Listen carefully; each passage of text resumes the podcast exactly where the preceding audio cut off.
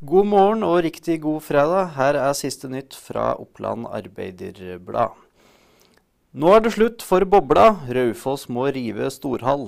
Raufoss fotball jobber aktivt med arbeidet om, om ny storhall. Dagens hall er utgått på dato, og nå er skadene på hallen så store at de sannsynligvis blir nødt til å rive hall.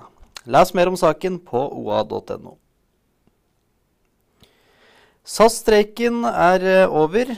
Men uh, SAS kansellerer likevel 61 avganger i dag. Det er ikke bekrefta hvor mange passasjerer som rammes. Innstillinger gjelder ved 14 av de 15 flyplassene SAS opererer fra, med unntak av Kirkenes i Finnmark. Flest innstillinger er det i Bergen, hvor 14 fly blir stående på bakken. Det viser en oversikt på Avinors nettsider klokka kvart over fire natt til fredag. Totning blottet seg og sendte penisbilder til flere unge jenter, og nå er han dømt til fengsel. Mannen er også tidligere dømt for lignende forhold. Nå må han sone igjen for seksuelt krenkende atferd mot en rekke jenter. Les mer om saken på oa.no.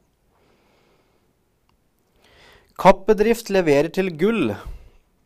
Veldig gøy og en hyggelig nyhet for oss, sier Camilla Rostad, eier og driver Ta Holmen Crisp på Kapp. Hjemmebakeri på Kapp vant nylig gullmedalje for sitt nye design på posa med glutenfritt gyttemjøl. Konkurransen ble holdt i regi av Norsk organisasjon for visuell kommunikasjon.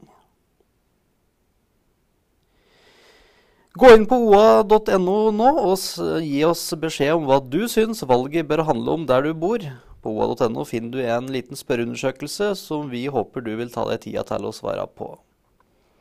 Vi minner også om vår eh, kalender. Klikk deg inn på oa.no og få oversikt over eh, hva som skjer i Vest-Oppland fredag 3. mai.